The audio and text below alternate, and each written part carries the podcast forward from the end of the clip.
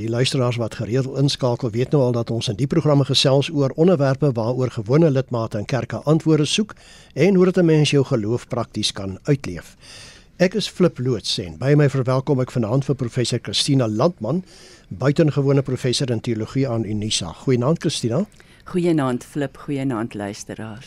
Ek sê ook baie welkom aan professor Christe Wet. Hy is professor in Nuwe Testament en vroeg-Christelike studies by Unisa. Goeienaand ook aan jou Chris. Goeienaand Flip en goeienaand aan die luisteraars.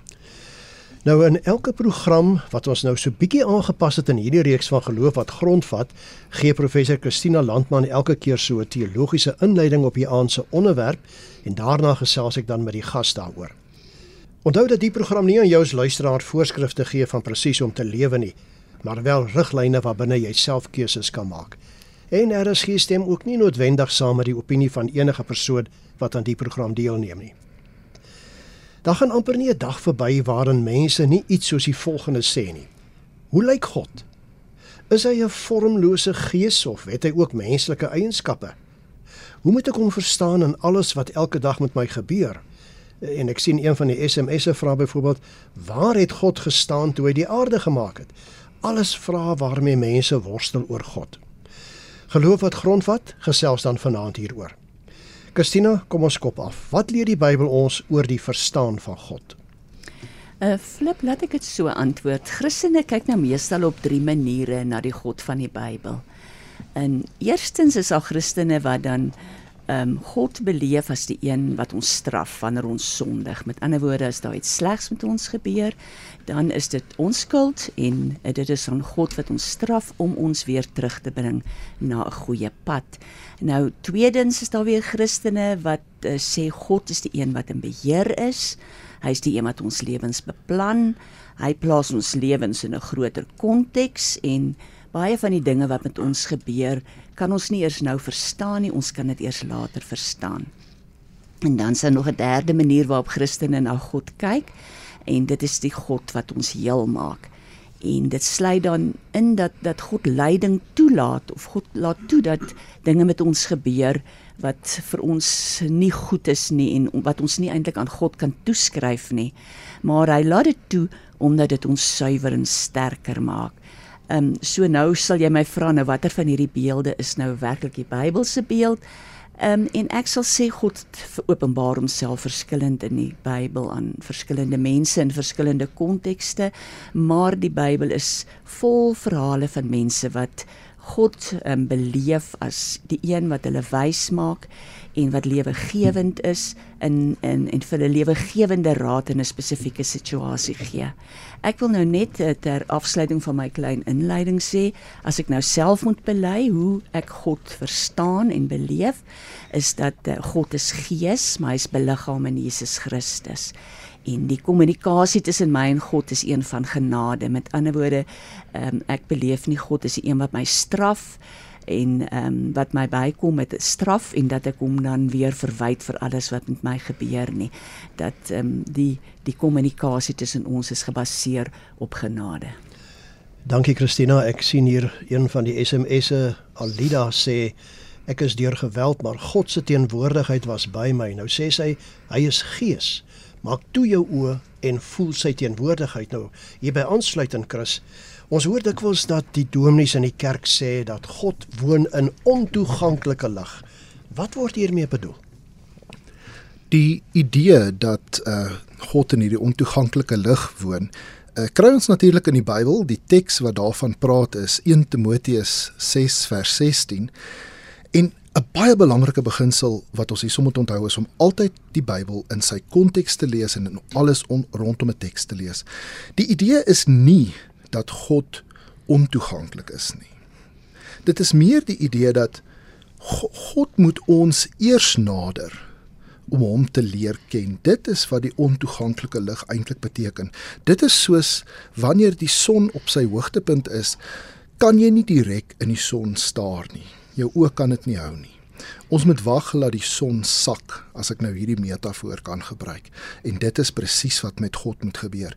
Hy moet sak na ons vlak toe. Die vroeë Christene het 'n beginsel gehad wat hulle genoem het in Grieks soon katabasis wat eintlik beteken neerdaling en hulle het geglo God kom na ons vlak toe en hy praat met ons op ons vlak.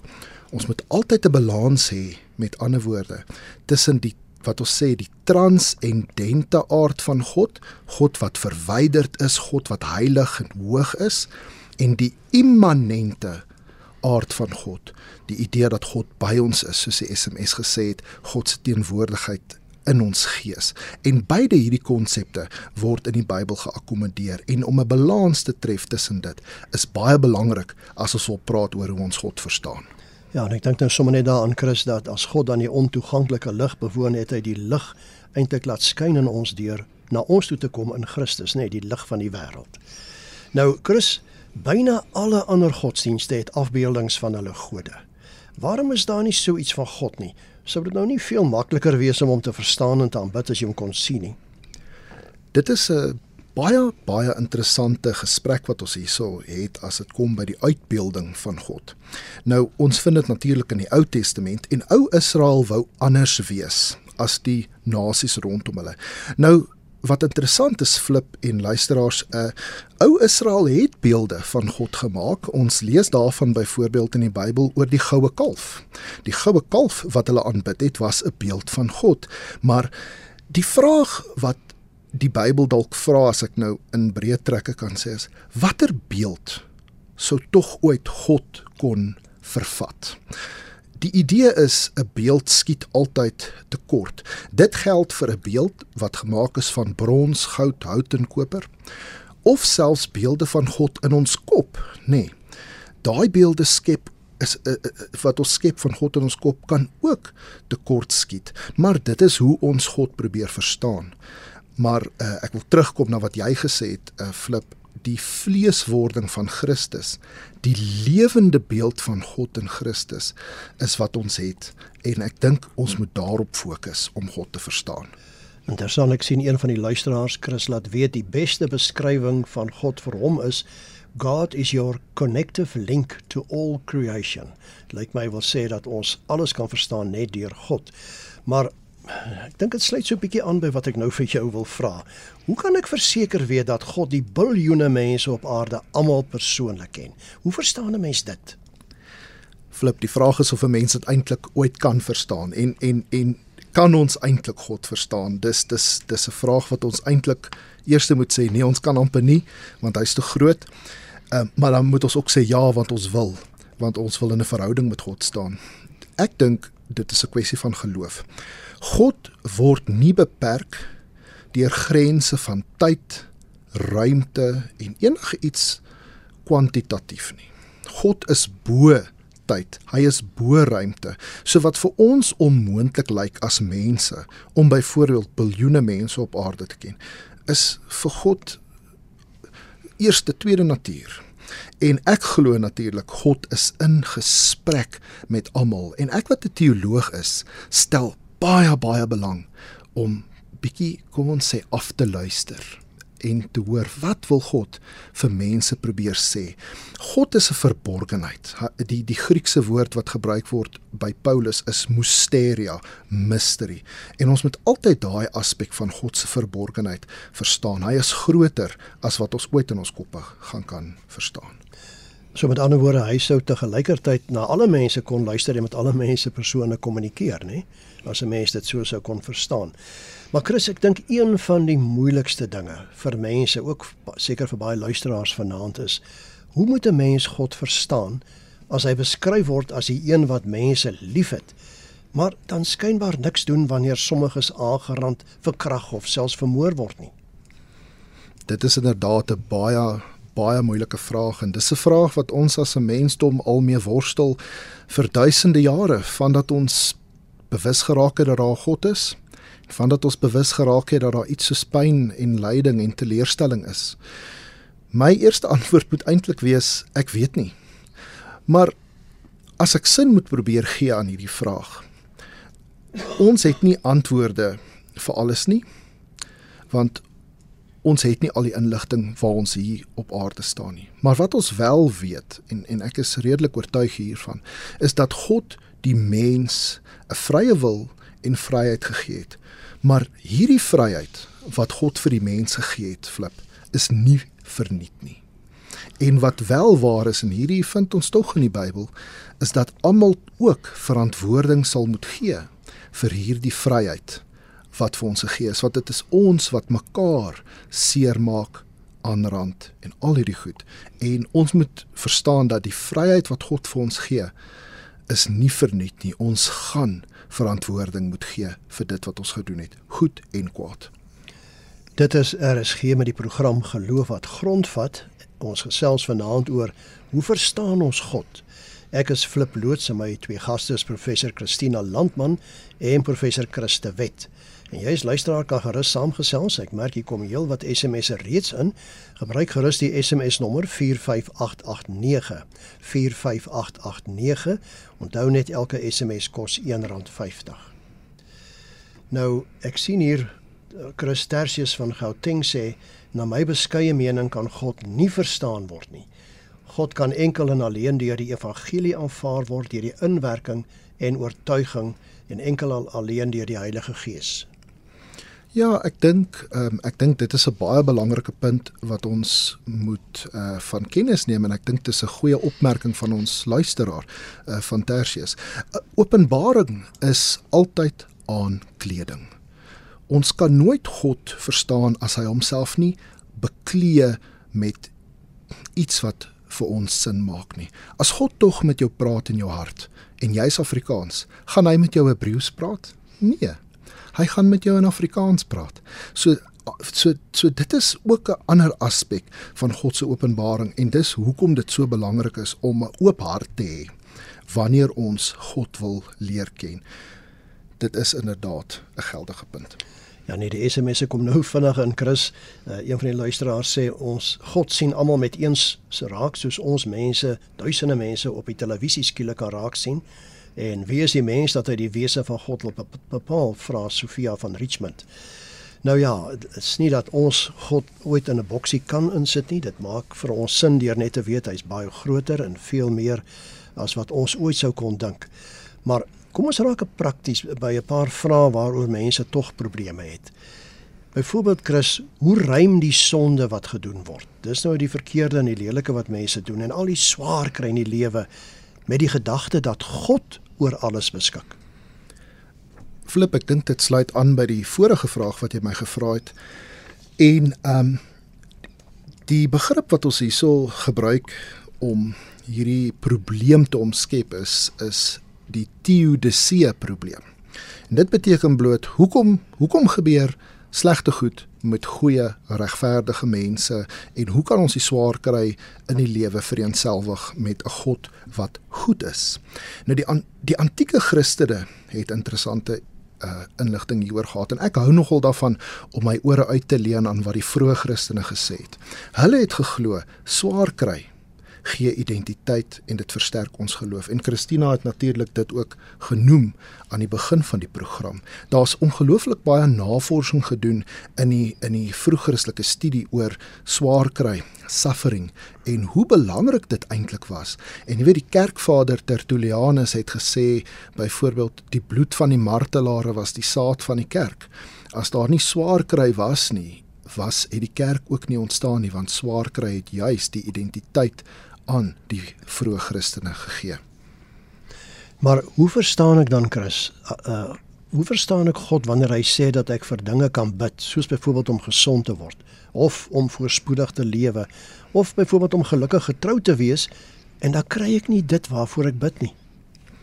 Flip, ek dink jy het die antwoord van hierdie vraag gegee nou-nou toe ons die SMS'e van ons luisteraars ge, gelees het. Ehm um, ons kan God nie in 'n boks plaas nie. Weereens God is die grootste verborgenheid wat ons het.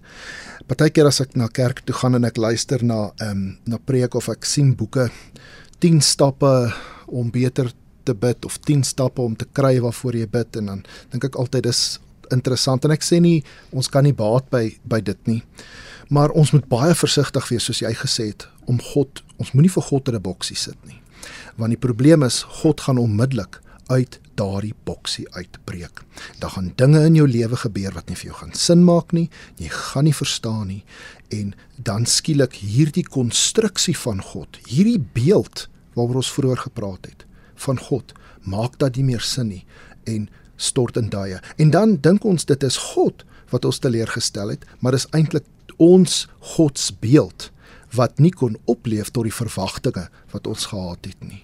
En ek wanneer ek deur moeilike tye gaan en en wanneer die lewe nie vir my sin maak nie, dan besef ek altyd ek moet myself berusting vind in die verborgenheid van God en net in sy teenwoordigheid rus vind. Ons kry nie altyd antwoorde nie, maar maar dit beteken nie God is nie daar wanneer ons swaar kry nie. Ja, laat my dink aan die Bybelteks hoe diepte van die rykdom en die wysheid van God, ja. nê. Ons kan nie altyd daarby uitkom nie. Maar 'n mens moet sekerlik net glo en vertrou en steeds maar aanhou bid want dis wat die Bybel leer. Ek moet aanhou bid. Nou Christus die Bybel leer dat God met mense van die ou tyd gepraat het. En baie mense sê vandag nog as hulle miskien getuig in 'n erediens of waar ook al, God het vir my dit of dat gesê. Hoe gebeur dit? Kon hulle in die ou tyd fisies sy stem hoor en in wat van vandag? Hoe hoor 'n mens sy stem?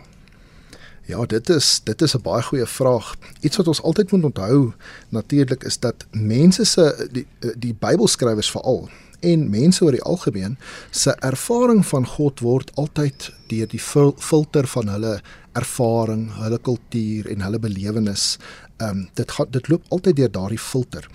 Uh soms kry ons die idee dat God met die mense in die Bybel gepraat het met 'n hoorbare stem uh, en en soms nie. Ek hou baie van die storie van Elia toe hy so uh so ontsteld was en hy het op die berg en God sê vir hom klim die klim op die berg en uh, en daar was 'n aardbewing. Dan sê die Bybel God was maar God was nie in die aardbewing nie en daar was 'n 'n rukwind. God was nie in die rukwind nie. En dan was daar 'n 'n fluister in die windstilte. En dit is wanneer Elia besef God het sopas verby hom gegaan. God het nie 'n woord vir Elia gesê nie. Dit was net die belewenis van God.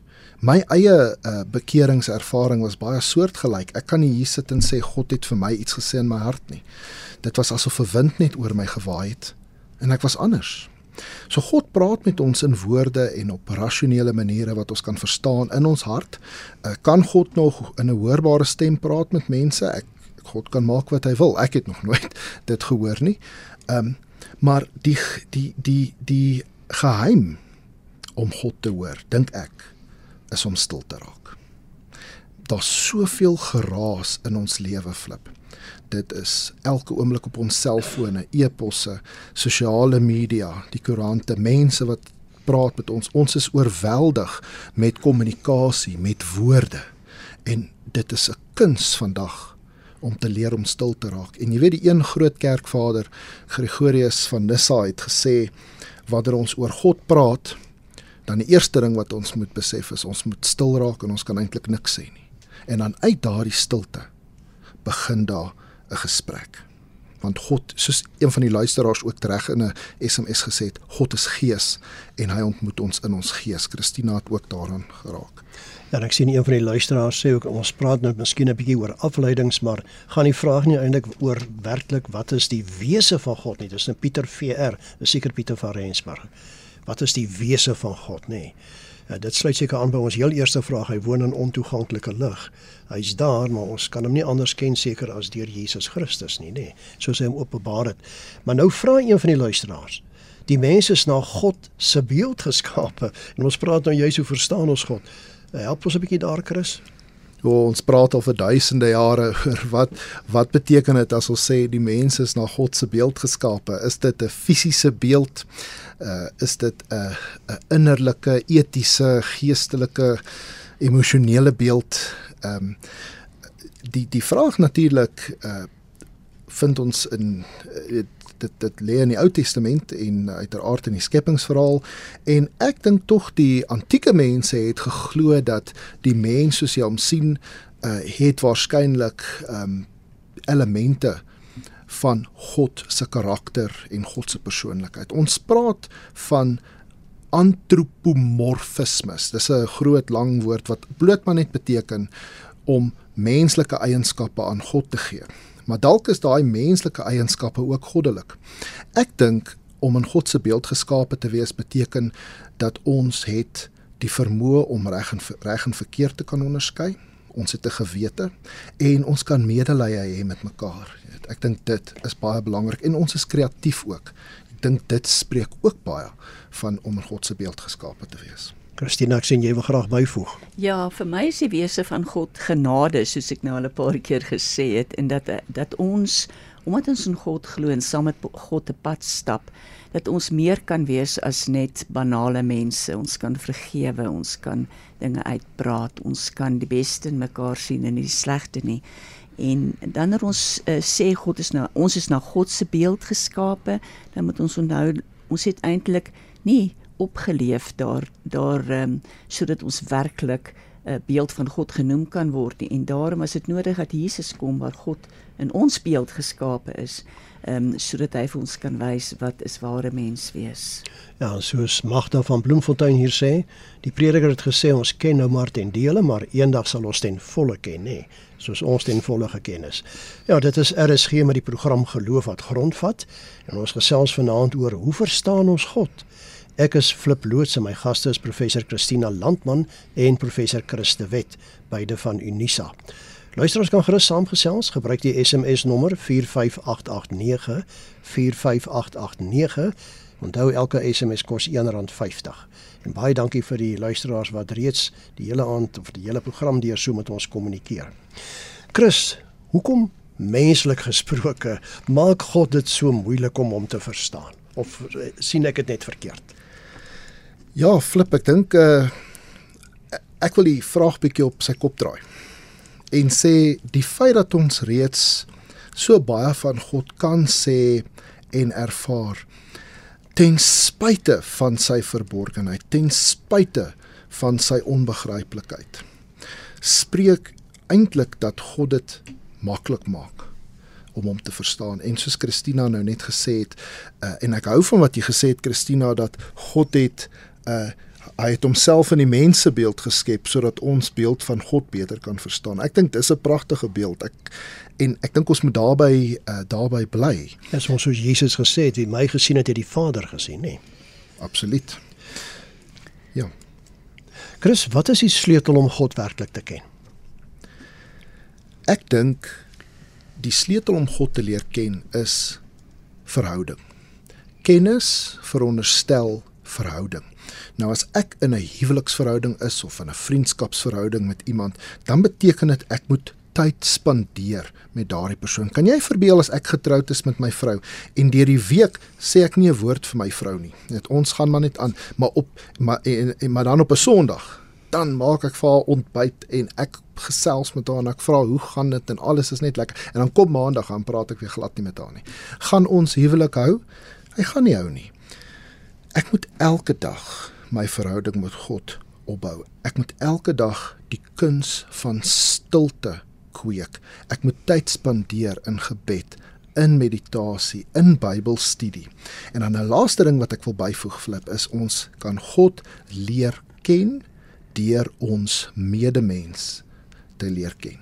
Die Bybel sê in Matteus 25 sê Jesus ek was honger en julle maar julle het my nie kos gegee nie. Ek was dors, julle het my niks gegee om te drink nie. En dan sê die disippels, maar ons het u nooit so gesien nie. Toe sê hy, soveel soos wat julle dit aan een van hulle gedoen het, so het julle dit aan my gedoen. So ons kan God leer ken deur ons medemens ook. En dit is baie interessant. Ek sien hier Felicity Treater van die Parel skrywer Chris I have conversations with God. For instance, if I have a request, He will speak in my mind. His reply can be, Is it urgent? Or not now? Or no? Hy kan enige manier kan hy vir ons antwoord, nê. Nee. En dan 'n ander luisteraar sê ek wil so graag byvoeg, God luister altyd om net dit te kan glo al gee hy nie altyd vir ons wat ons vra nie. Dis so waar. Nou ja, ons moet so stadig aan na die einde van die program toe begin beweeg. Christina, kom ons begin saamvat. Hoe verstaan ons God na alles wat jy nou gehoor het vanaand? Ja, ek dink ehm um, ons het vanaand uit ons eie ervaring en uit dit wat ons uit die Bybel verstaan, uh, wel sinvolle dinge gesê wat ons kan help in ons daaglikse belewenis om God wel uh, iets van God te bestaan iets van God te verstaan. Ons het uh, daarop klem gelê dat hy gees is, dat hy ehm um, ook lig is. Ons het wel gesê hy's onbeperk dat hy nie in 'n standbeeld vasgevang kan word of in 'n liggaam nie, maar dat hy altyd in gesprek met ons bly. En terselfdertyd dat God ons vrye wil respekteer, dat baie van die slegte dinge wat ons oorkom, doen ons aan onsself en kan ons nie God daarvoor eh, verwyd nie. Ons het gehoor God praat met ons wanneer ons stil genoeg word om hom te hoor. Ons het dan ook gesê dat wanneer ons die goeie in ons medemens raak sien eerder as die slegte, dat ons iets daarvan van God in ons medemens nie net raak sien nie, maar dit wel daar ook plaas.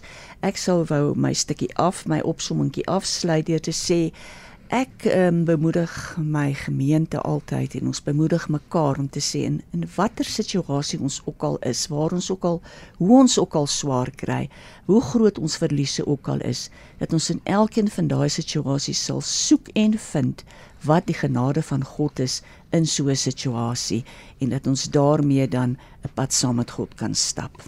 Een van die luisteraars sê baie dankie vir die program. Ek dink ook ons almal ervaar God op sy eie manier.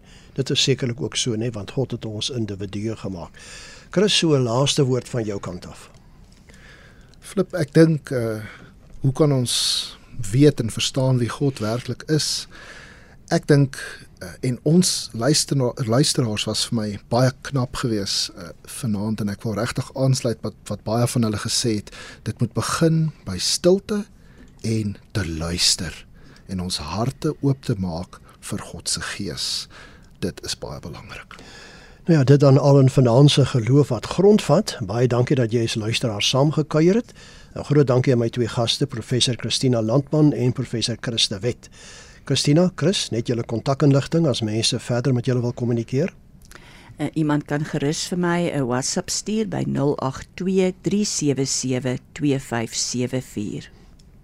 Uh, as iemand my wil kontak, uh, ek is oop vir e-posse. Hulle kan my e-pos by Chris LDW, dis C H R I S L D W @gmail.com.